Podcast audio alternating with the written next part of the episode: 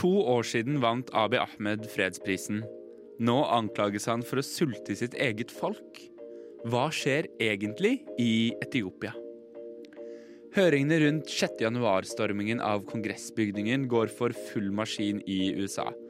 Og nå møter en av hans nærmeste allierte en fersk siktelse. Hvorfor? Vi gir deg svaret.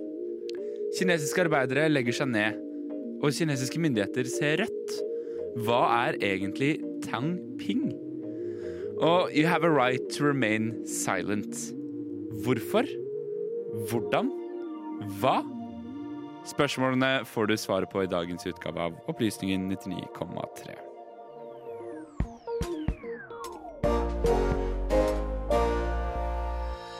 Hvor du også får høre om forbudene mot plastskjeer og engangsplast.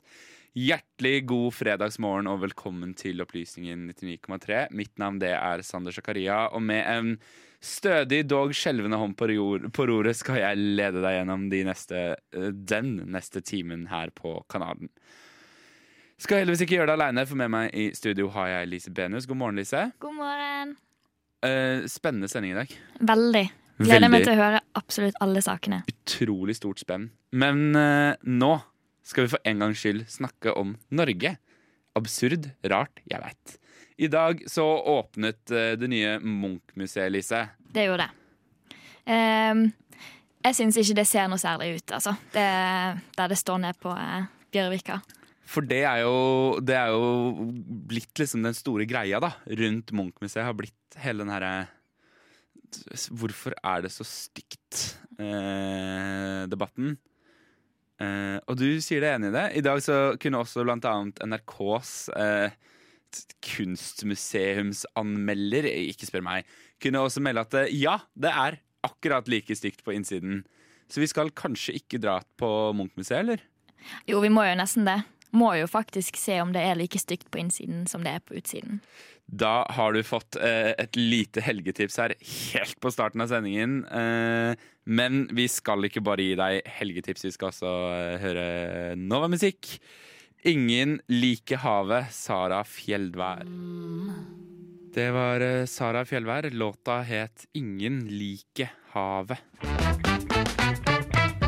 Og så er også Radio Nova her for å gjøre opptak til sendingene sine. Opplysningen. Vi er der det skjer. Opplysningen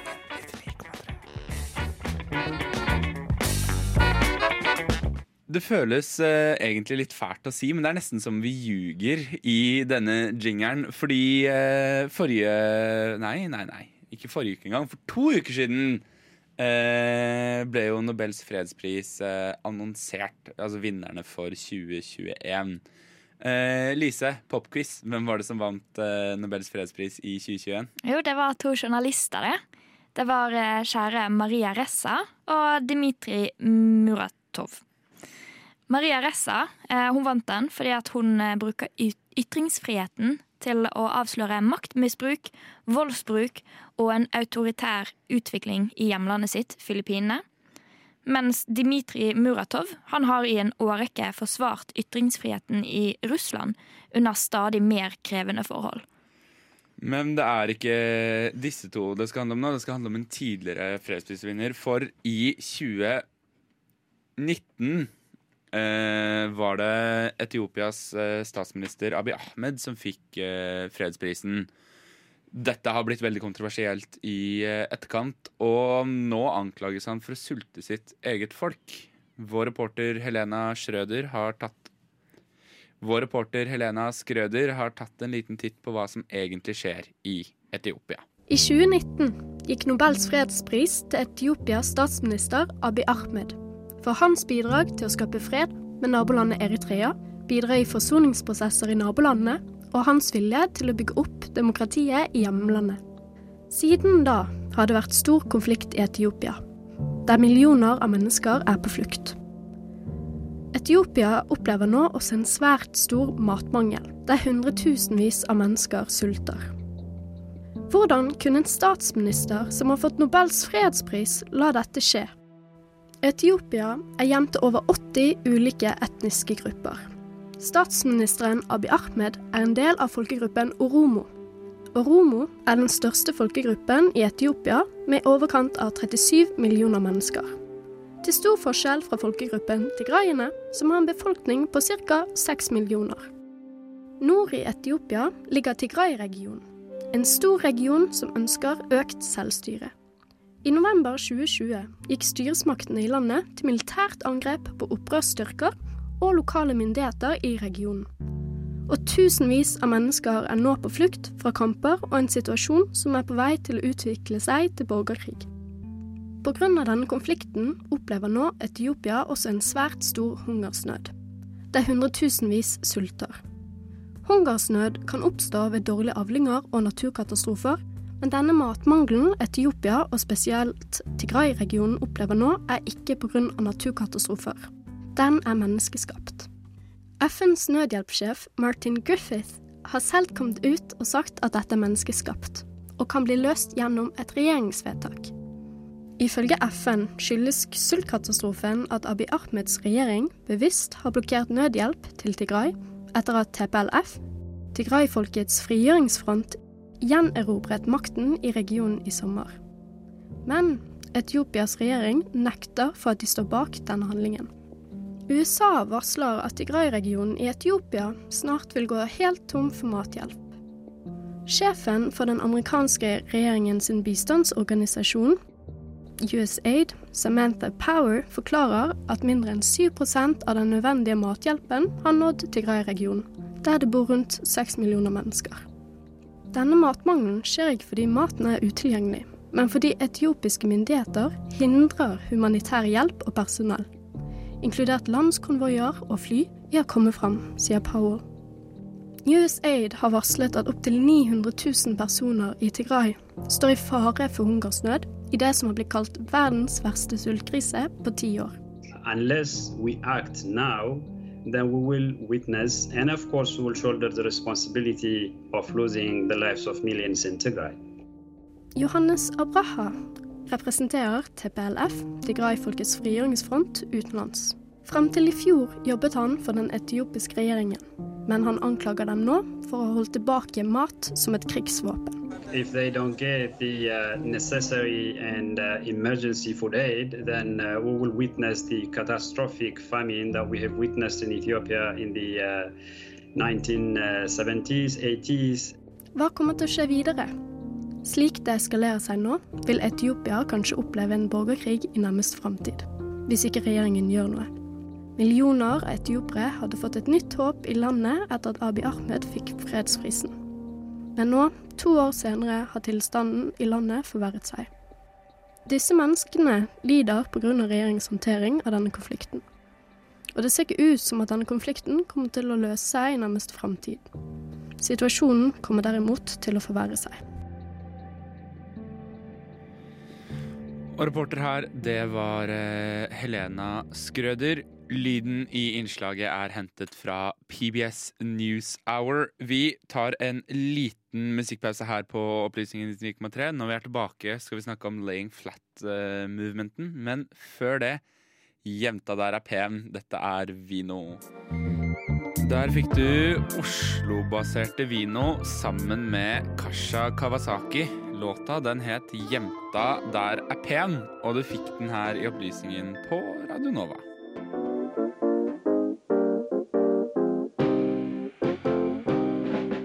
Hører på Radio Novas samfunns- og aktualitetsmagasin Opplysningen. Hver fredag fra klokken 10 til 11 på Radio Nova. Opplysningen på Radio Nova.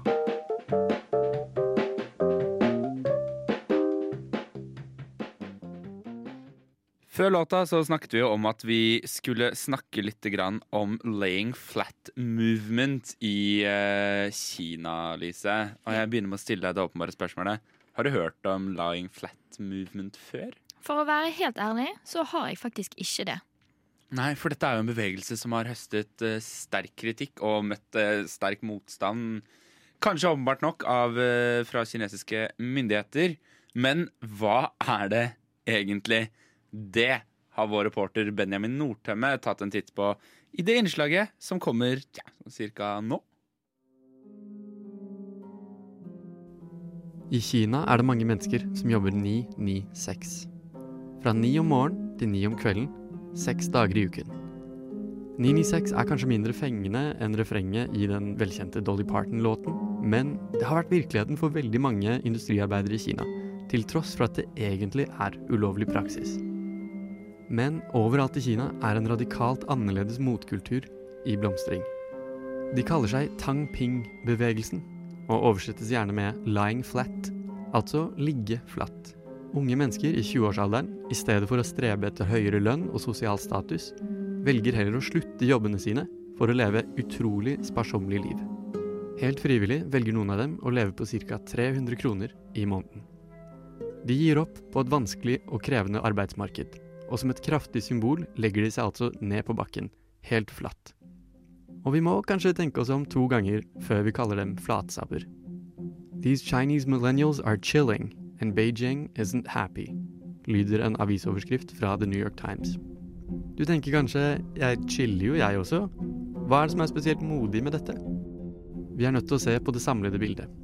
Det hele startet i april, da en ung mann, Luo Huajong, skrev et blogginnlegg på Baidu Cheba, Kinas største nettforum.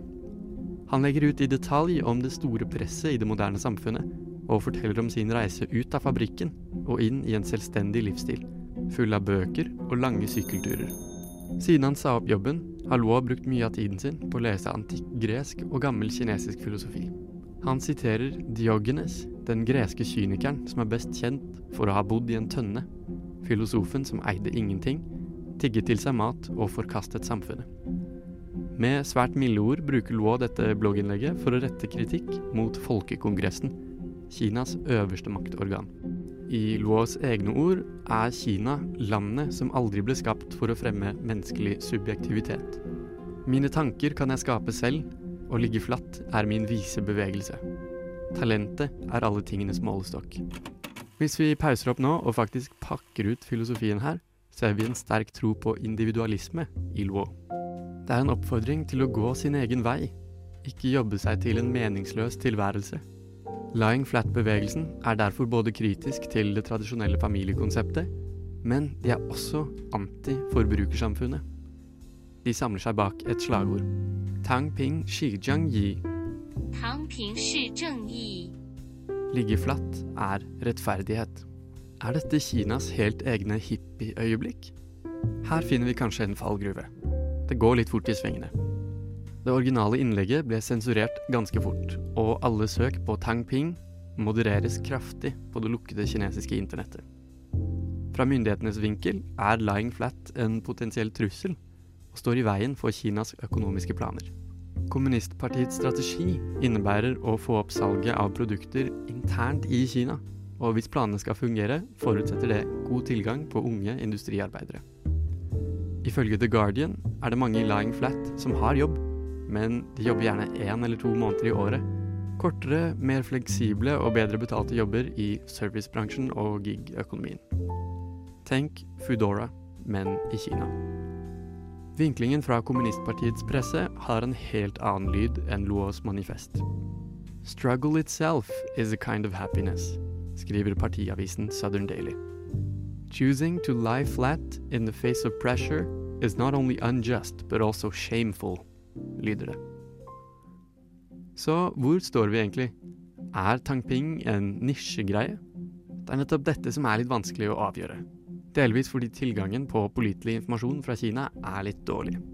I den vestlige pressedekningen får vi servert dybdeintervjuer med unge urbane kinesere fra masse forskjellige bakgrunner. Ikke bare tidligere industriarbeidere, men også bankansatte, arkitekter og mer til. Associated Press siterer en ung anonym kvinne med følgende budskap. I want to be free from inflexible rules. I want to travel and make myself happy. Så neste gang du befinner deg vannrett på en sofa eller sengen hjemme, kanskje du vier en liten tanke til alle disse unge kineserne. Og muligens er det ikke flatsabber, men heller budbringere. Viktige unge stemmer som tar kampen for en friere og bedre hverdag. Det skulle i hvert fall jeg tenke på neste gang jeg tar meg en liten mm, ettermiddagslur på sofaen min. Reporter i saken var Benjamin Nordtømme. Straks! Det kryptiske ordet Miranda-advarselen. Det er altså ingen grunn til å skru av radioen ennå. Men før den tid skal vi få høre litt deilig radionova-musikk. Åh, jeg får lyst til å bygge sandslott jeg når jeg hører den låta her. Kloppen. Artisten heter Sandslott. Hvis ikke det er deilig norsk indie-rock, så vet ikke jeg hva som er deilig norsk indie-rock. Det var eh, Det var himla, det, med Gidd ikke, og du fikk den etter Kloppen med Sandslott. Her er opplysningen på Radio Nova. Og så bruker han jo da også i forlengelsen av det dette ordet terrorist. ikke sant? På sett og vis er jo det USAs store gave til verdens eh, autoritære Finne et litt mer, litt mer nyansert språk der. De arabiske statene prøver å føre en sånn politikk hvor de kan støtte palestinerne i retorikk, men i praksis holde seg egentlig unna konflikten. Radio Novas samfunns- og aktualitetsmagasin Opplysningen gir deg historiene, sakene og debattene andre overser. Aldri redd, alltid balansert. Ja da, det er Opplysningen 99,3 du hører på, og vi skal videre og eh, snakke om eh, Ja. Tenker Lise du kan få lov til å forklare selv hva vi skal snakke om. Fordi eh, you have the right to remain silent. Anything you say can and will be used against you in the court of law. Hva tenker du på når jeg sier disse ordene? Nei, Da tenker jeg på sånn typisk eh, USA-film eller serie der en CSI-agent sparker ned døren og eh, tar kjeltringen, putter den i eh, håndjern og tar den med til kasjotten. Og er, du er garantert ikke den eneste som tenker på dette når du hører eh, disse ordene. Men um, hvor kommer det egentlig fra? Jeg kunne selvfølgelig forklart deg det nå, men jeg har heller et innslag som forklarer det for meg. Her forleden så jeg igjen serien Breaking Bad, og la spesielt merke til scenen der Walter White blir arrestert. Eller mer spesifikt la jeg merke til noe som ble sagt idet Walter White blir arrestert. Walter White, you have the right to remain silent. Anything you say can and will be used against you in a court of law. You have the right to speak to an attorney and have an attorney present during any questioning. If you cannot afford an attorney, one will be provided for you at the government's expense. Det er på ingen måte første gang jeg hører dette. Disse ordene har jeg hørt utallige ganger i serier og filmer, men vet jeg egentlig hva det betyr? Og hva er egentlig opphavet til denne advarselen? Googler man 'You have the right to remain silent', får man opp over 160 millioner treff. Det er med andre ord en god del å sette seg inn i. Men jeg skal være helt ærlig med deg. Jeg har ikke lest alle 160 millioner artikler. For hadde jeg gjort det, så hadde jeg nok ikke vært på radio akkurat nå. Så la oss heller ta en liten kikk på de søketreffene jeg faktisk leste. Det første jeg fikk oppgitt, var at denne serien med setninger faktisk har et navn. Eller det var litt upresist. Det har to navn. The Miranda Rights eller The Miranda Warning. Den store forskjellen mellom disse to navnene er primært konteksten. Når politiet gir deg beskjeden eller advarselen, omtales det som The Miranda Warning. Mens dersom det er snakk om rettighetene, får det passelig nok navnet The Miranda Rights. For enkelhets skyld kaller vi det Miranda-advarselen. Men over til spørsmålene jeg stilte meg selv. Hva betyr det egentlig, og hva er opphavet? Vi kan begynne med det siste, for det er lettest å svare på. Ja, jeg sparer det vanskeligste til slutt. Spørsmål 1. Hvor kommer egentlig Miranda-advarselen fra? Som nesten alt i USA stammer dette fra en høyesterettssak. Miranda v. Arizona. Saken Miranda v. Arizona er på ingen måte en lett sak å snakke om, så la oss bare få det unnagjort så fort som mulig. 13.3.1963 ble Ernesto Miranda arrestert i hjemmet sitt og anklaget for å ha kidnappet og voldtatt en 18 år gammel jente. Etter to timers avhør tilstår Miranda kidnappingen og voldtekten. Denne tilståelsen ble lagt til grunn under rettssaken mot han. Til tross for at forsvarsadvokaten hevdet dette var uriktig, basert på det faktum at Miranda ikke hadde fått opplyst at han kunne ha en advokat til stede under avhørene. Da saken ble anket til Arizonas høyesterett, mente de også at Miranda ikke hadde vært offer for et brudd mot sine grunnlovsrettigheter, fordi han ikke spesifikt ba om å ha en advokat til stede. Ok, vi må ta en liten pause, for her kommer det en ny spiller inn på banen. Grunnlovsrettigheter. Fordi du har sikkert hørt om amendments, eller grunnlovsendringer, før.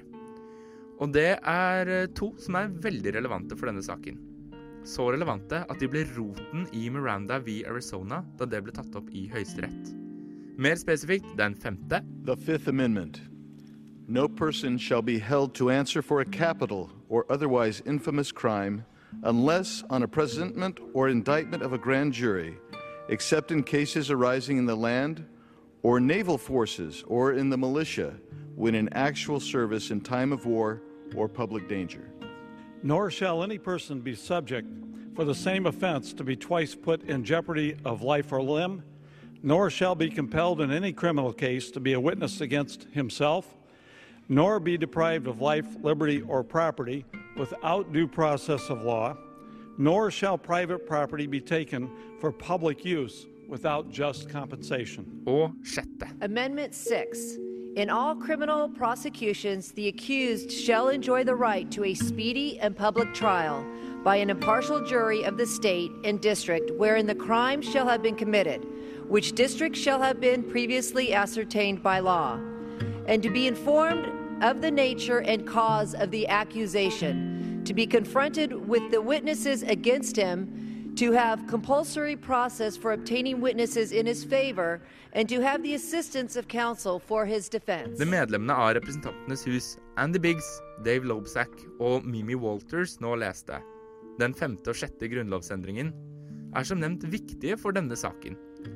Høyesterett bestemte at politiet skal opplyse mistenkte om retten deres til å ikke si noe, og innhente en advokat under avhør mens man er i politiets varetekt.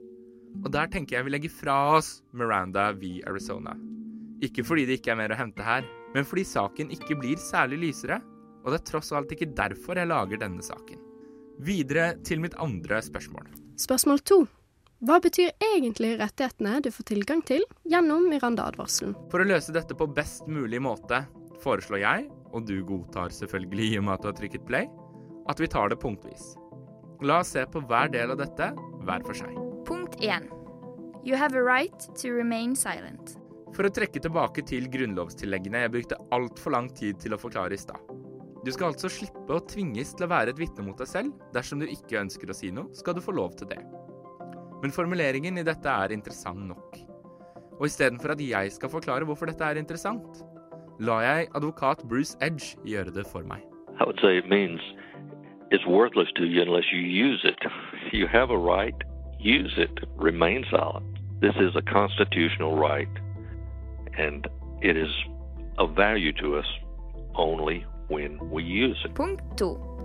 Anything you say can and will be used against you in a court of law. Husker du det jeg sa i stad, så skjønner du sikkert hvorfor dette er relevant. Alt det du forteller til politiet, kan brukes av politiet i rettssaken mot deg. Tilstår du, vil politiet altså bruke det mot deg. Punkt 3. You have a right to an attorney. Igjen tilbake til grunnlovstillegget. Du har rett på en advokat til stede, både under avhør og under rettssaken, med noen forbehold. Jeg sparer det til neste punkt. Punkt 4. If you cannot afford an attorney, one will be provided to you. Du har altså i USA retten til en advokat uansett hvor tjukk lommeboka di er. Har du ikke råd til en, får du en av staten. Eller mm, ikke egentlig. For det er riktignok noen stater der det er litt forskjellig. I Indiana, New Jersey, Nevada, Oklahoma og Alaska er setningen byttet ut med We have no way of giving you a lawyer, but one will be appointed for you if you wish, if and when you go to court. Et lite tankekors der. Punkt 5. Do you understand the rights I have just read to you? With these rights in mind, do you wish to speak to me? Akkurat dette ville ikke Hank spørre Walter om i klippet vi hørte tidligere. Men det hele baserer seg på at du skal forstå disse rettighetene. Noe du kanskje gjør etter denne saken. Og at du basert på dette kan velge å snakke med politimannen. Så kommer spørsmålet som utgjør bonusdelen. Spørsmål tre. Når er det egentlig du skal være mottaker til denne monologen? Og istedenfor å svare på dette, lar jeg advokat Patrick Barone svare på spørsmålet. It's only required when the police are questioning you in the context of a criminal investigation and hope to or desire to use your statements as evidence against you. Otherwise, Miranda doesn't apply and they're not required to be read. Ja, reporter i denne saken, det var eh, Sander Zakaria. Lyden av grunnlovstilleggene den er hentet fra C-SPAN, og lyden av advokatene er hentet fra mirandawarning.org. Lise, popquiz. Eh, hvorfor har vi Miranda-rettighetene? Eh, Det har vi fordi eh, det er viktig at du vet at du annet ikke trenger å snakke med politiet eh, før advokaten din er til stede.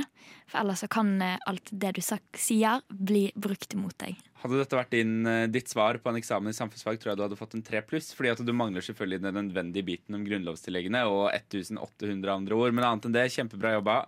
Vi skal få litt musikk her i Opplysningen 99,3 mens jeg skriver en lang tilbakemelding til Lise Benus på hva hun kan gjøre bedre til neste gang hun har eksamen. Giddy Gang og Vio gir deg Sour her i Opplysningen på Radio Nova. Sour. Og eh, det var Giddy, Giddy Gang og Vyo. What did I think when Maduro took power? Well, he's a clown. Finne et litt mer, litt mer nyansert språk der. Jeg tror vi bare skal forstå det sånn at dette dreier seg om teknologi. Du hører på Radio Novas samfunns- og aktualitetsmagasin Opplysningen. Hver fredag fra 10 til 11 på Radio Nova. Jeg skulle ønske jeg nå kunne si at denne deilige, deilige jazzmusikken er relevant for vår neste sak, men dessverre så er den ikke det, Lise. For vi, eh, vi skal reise litt tilbake til tid. Tilbake i tid. Vi skal snakke om stormingen av Kongressen den 6. januar. Og hva var det egentlig som skjedde den dagen? Jo, 6. januar 2021 så var det et voldelig angrep på den amerikanske kongressbygningen. Bedre kjent, som du sa, som stormingen av Kongressen. Dette var utført av Trump-tilhengere, og det var en protest mot at de mente at valget var ulovlig. Det var stemmer som, var ikke, som ikke var telt, eh, og at det var fabrikkerte stemmer som gjorde at Joe Biden vant valget. De dro da dit for å stanse godkjenningen av Biden som president. Det var over 8000 mennesker som dukket opp, og det var 100, og, nei, 1600 politibetjenter som skulle beskytte kapitalbygningen. Eh, flere titalls ble skadet, og fem personer ble faktisk drept. Eh, blant de en politibetjent. Dette er da i seinere tid blitt kalt et forsøk på statskupp og terrorisme. Eh, og det som jo på en måte er utrolig relevant her, i og med at det er Trump-tilhengere, er jo Trumps innblanding i stormingen av Kongressen. Hva kan du si om den, Lise? Jo, det var jo som sagt Trump-tilhengere da, som dro og ville stanse valget. Eh, og eh, Trump hadde da eh, flere ytringer der han på en måte oppfordret til dette. da. Blant annet 6. januar holdt eh, Trump en tale. For, Altså tidligere på morgenen samme dag? ja, tidligere på morgenen samme dag eh, holdt han en tale hvor han blant annet sa Men jeg sier eh, noe er galt. Noe er veldig galt. Dette kan ikke skje. Og vi slåss hvis dere ikke slåss som et helvete, blir det ikke noe land lenger. Eh, og Trump ble da i seinere tid, etter stormingen av Kongressen, eh, stilt for riksrett for andre gang, eh, men han ble ikke dømt. Det ble òg startet en kommisjon ledet av Nancy Pelosi, eh, og høringene de startet i juli 2021. Og uh, juli 2021, altså det, det begynner jo å bli en stund siden, slutten av juli. Eh, de pågår fortsatt? Det gjør de. Ja. Hva, hva skjer nå? Hva er det siste nytt fra fronten? Ja, Det navnet som på en måte er på alle sine lepper. Det er da Steve Bannon. Han er en amerikansk politisk rådgiver, eh, og han kan man si er ganske langt til høyre på den politiske skalaen.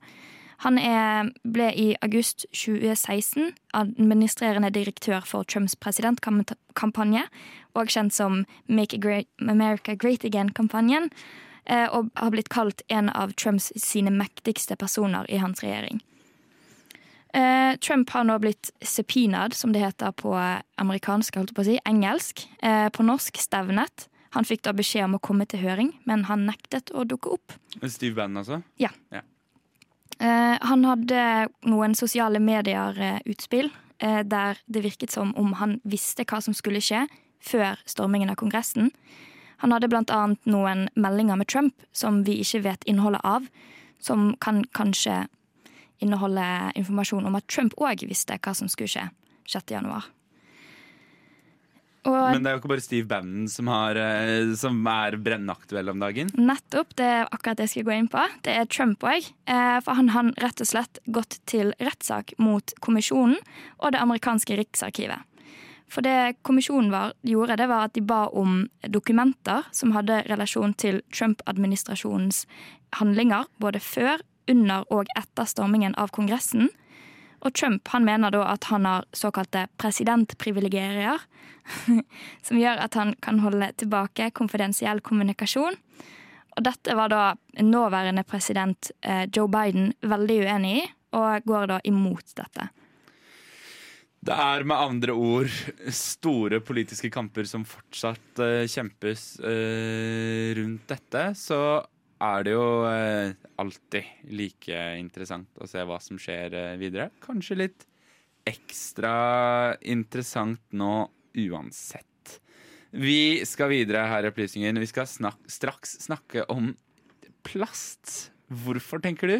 Hvorfor, tenker jeg? Svaret det får vi etter hudkreft. Her er punken er død, og hudkreft drepte den. Punken er det, og det var hudkreft som drepte den. Det er i hvert fall det hudkreft hevder selv i låta som altså tilfelle du ikke fikk det med deg, så heter den altså 'Punken er død', og det var hudkreft som drepte den. Og du fikk denne opplysningen på Radio Nova.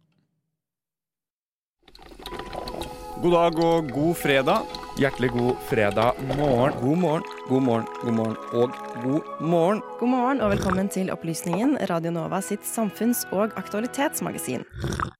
Med opplysningen 99,3 på øret, ja, da blir det en god fredagsmorgen. Opplysningen 99,3 Hver fredag fra 10 til 11 på Radio Nova. Lise, jeg har tatt med en gave til deg. Oi, nå gleder jeg meg. Ikke tro, ikke, ikke tro at dette kommer til å være standard, og dette kommer til å være noe vi gjør oftere. Ok? Okay, er det, for, det er viktig for meg at du forstår det? Ja, ok, greit. Ok, da skal jeg, bare, jeg har ikke pakket den inn, da. Var det Nei, fint? det går faktisk helt fint. Oi, pælming! Oi! Woo! Se der, ja. En rislunsj. Og hvorfor kastet jeg en rislunsj til deg nå, Lise? Jo, fordi at jeg har laget en sak om engangsplast. Eh, og da blant annet det at eh, rislunsj ikke har en så veldig populær eh, engangsbrukskje nå, som er laget av tre. For den, eh, den, er jo ganske liten. Man får gjerne, får gjerne litt rislunsj på fingrene når man rører nedi der. Og klart at rislunsj på fingrene, det har man ikke lyst til. Men hvorfor man ikke lenger bare kan få den helt vanlige plastskeia, spørsmålet jeg stiller meg selv hver gang jeg kjøper rislunsj i butikken, det får du svar på nå.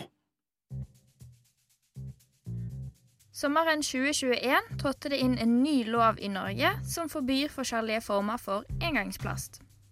Regjeringen forteller på egne nettsider at bestikk, tallerkener, sugerør og bomullspinner i plast, samt matbeholdere og drikkebegre av isopor, skal fases ut av Norge. Den plasten det gjelder, er ikke bare den tradisjonelle formen for plast fremstilt av olje, og biobasert og biologisk nedbrytbar plast laget av f.eks. poteter, mais eller sukkerrør blir forbudt. Grunnen for at òg slik plast blir forbudt, er fordi at det ofte blir resirkulert feil. I tillegg er det ifølge Avfall Norge slik at mange produkter laget av bioplast ikke brytes ned, med mindre det ligger i et område som jevnt er 50-60 grader varmt. Om det ligger på et sted hvor det er kaldere, bryter det seg opp og ikke ned, til mindre plastpartikler som kan ligge lenge i naturen. Det gjøres et unntak for denne nye loven. Nødvendig medisinsk utstyr, f.eks. sugerør og bomullspinner som kan bli brukt til bl.a. klamydiaprøver, er fortsatt lov til å ta i bruk. WWF sier på sine nettsider at dette vil spare naturen for hele 84 tonn plastikk hvert år. Det er ca. 2 kilo per person her i Norge. Det høres kanskje ikke så mye ut, men da jeg veide det ene plastsugerøret jeg fant nede i en tilstøvet kjøkkenskuff, fant jeg ut at det veide hele 0,4 gram. Du må altså ha veldig, veldig mange sugerør i plast for å komme deg opp til to kilo. Dette forbudet kommer etter at Europakommisjonen, den delen av EU som bl.a. kommer med lovforslag og endring i politikk, fant ut av at de ønsket en bedre sirkulær økonomi. De ville bruke de ressursene som vi har på kloden vår bedre. Denne bruken av ressurser handler både om produksjonen, forbruket og avfallshåndteringen av ressurser. Europakommisjonen valgte å sette søkelyset på ti forskjellige engangsprodukter som inneholder plastikk. Det er de produktene de selv mener at er med på å forurense mest i naturen, og som er lettest å erstatte av mer miljøvennlige materialer. Dette gjelder da f.eks. bestikk, sigarettsneiper og plastikkposer. Lovforslaget til Europakommisjonen ble godkjent i 2019. Og da ble det lagt inn to år for å gi fabrikanter og bedrifter som har storforbruk av slik engangsplass, tid til å omstille seg. Siden Norge er medlem av EU gjennom EØS-avtalen og har valgt å støtte dette lovforslaget, så har òg vi måttet omstille oss til å bruke mer miljøvennlige alternativ i produksjonen av forskjellige produkter. Det har kommet mange forskjellige gøye alternativ til skeiene på yoghurtboksene. Noen har vært mer suksessfulle enn andre. Et alternativ som har vært veldig i vinden i det siste, er det Tine lanserte sammen med bl.a. Rislunsjen sin. Jeg har personlig en ganske negativ erfaring med disse skjeene. Men Tine de har en forklaring. De sa til Nettavisen at dette bare var en midlertidig løsning. Det var enten denne skjeen eller ingenting, som for så vidt hadde vært enda verre. Tine forteller òg at de skal komme med en lengre skei som er laget av bambus. Denne skal fases inn i løpet av september og oktober måned i 2021. Vi får bare håpe på at dette blir et bedre alternativ for oss som er glad i rislunsj.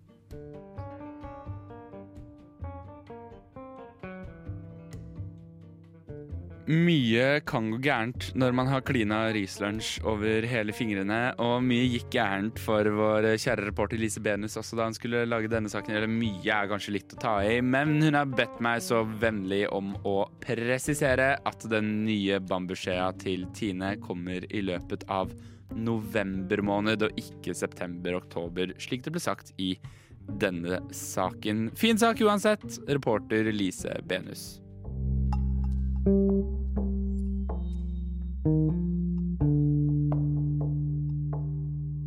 And this is insane. I've never seen this in any other country. Never in my life. People eating from the trash, fighting about it. Eh, Når så mange er ensomme, så ligger jo på en måte ikke dette på, på individet lenger. Det ligger på systemet. Vi er i ferd med å ødelegge evnen vår eh, permanent kognitivt i hjernen til å konsentrere oss over lengre tid. Radio Novas samfunns- og aktualitetsmagasin gir deg historiene, sakene og debattene andre overser. Aldri redd, alltid balansert. Opplysningen 99,3. Og med det, Lise, så har vi kommet inn uh, i uh, sendingens uh, avslutning. Vi nærmer oss helga med stormskritt. Noen kule helgeplaner, eller? Jeg skal faktisk hjem igjen til Bergen i helgen. Kult. Mm, veldig. Skal skrive en bok om det? Ja, jeg hadde planer om det. Ja, kult! Eh, jeg skal ikke hjem til Bergen i helgen, men jeg skal derimot, kjære lytter, fortelle deg at eh, medvirkende til denne ukens utgave av Opplysningen 99,3, det har vært eh, Benjamin Nordtømme og Helena Skrøder. Med meg i studio har jeg hatt Lise Benus. God helg, Lise. God helg. Og mitt navn det har vært Sander Zakaria. Um, last ned opplysningen som podkast dersom du mot formodning skulle ønske å høre denne sendingen igjen, eller dersom du kom inn akkurat nå. Det er jo kjipt å ha missa en så bra sending. Men hvis du allerede har tuna inn så kan du allikevel høre på Studentnyhetene som kommer etter oss. Eh, De, de rapporterer eh, studentsaker som ingen andre nyhetsmedlemmer i hele verden gjør. Så det er verdt å gi en liten titt. Det er fredag. Fredag, min venn. Fredag over hele byen. Synger i hvert fall uh, Emil the Duke nå. Du har nå hørt en podkast fra Opplysningen 99,3. Finn denne og tidligere episoder på Spotify, iTunes eller der du måtte finne dine podcaster ellers.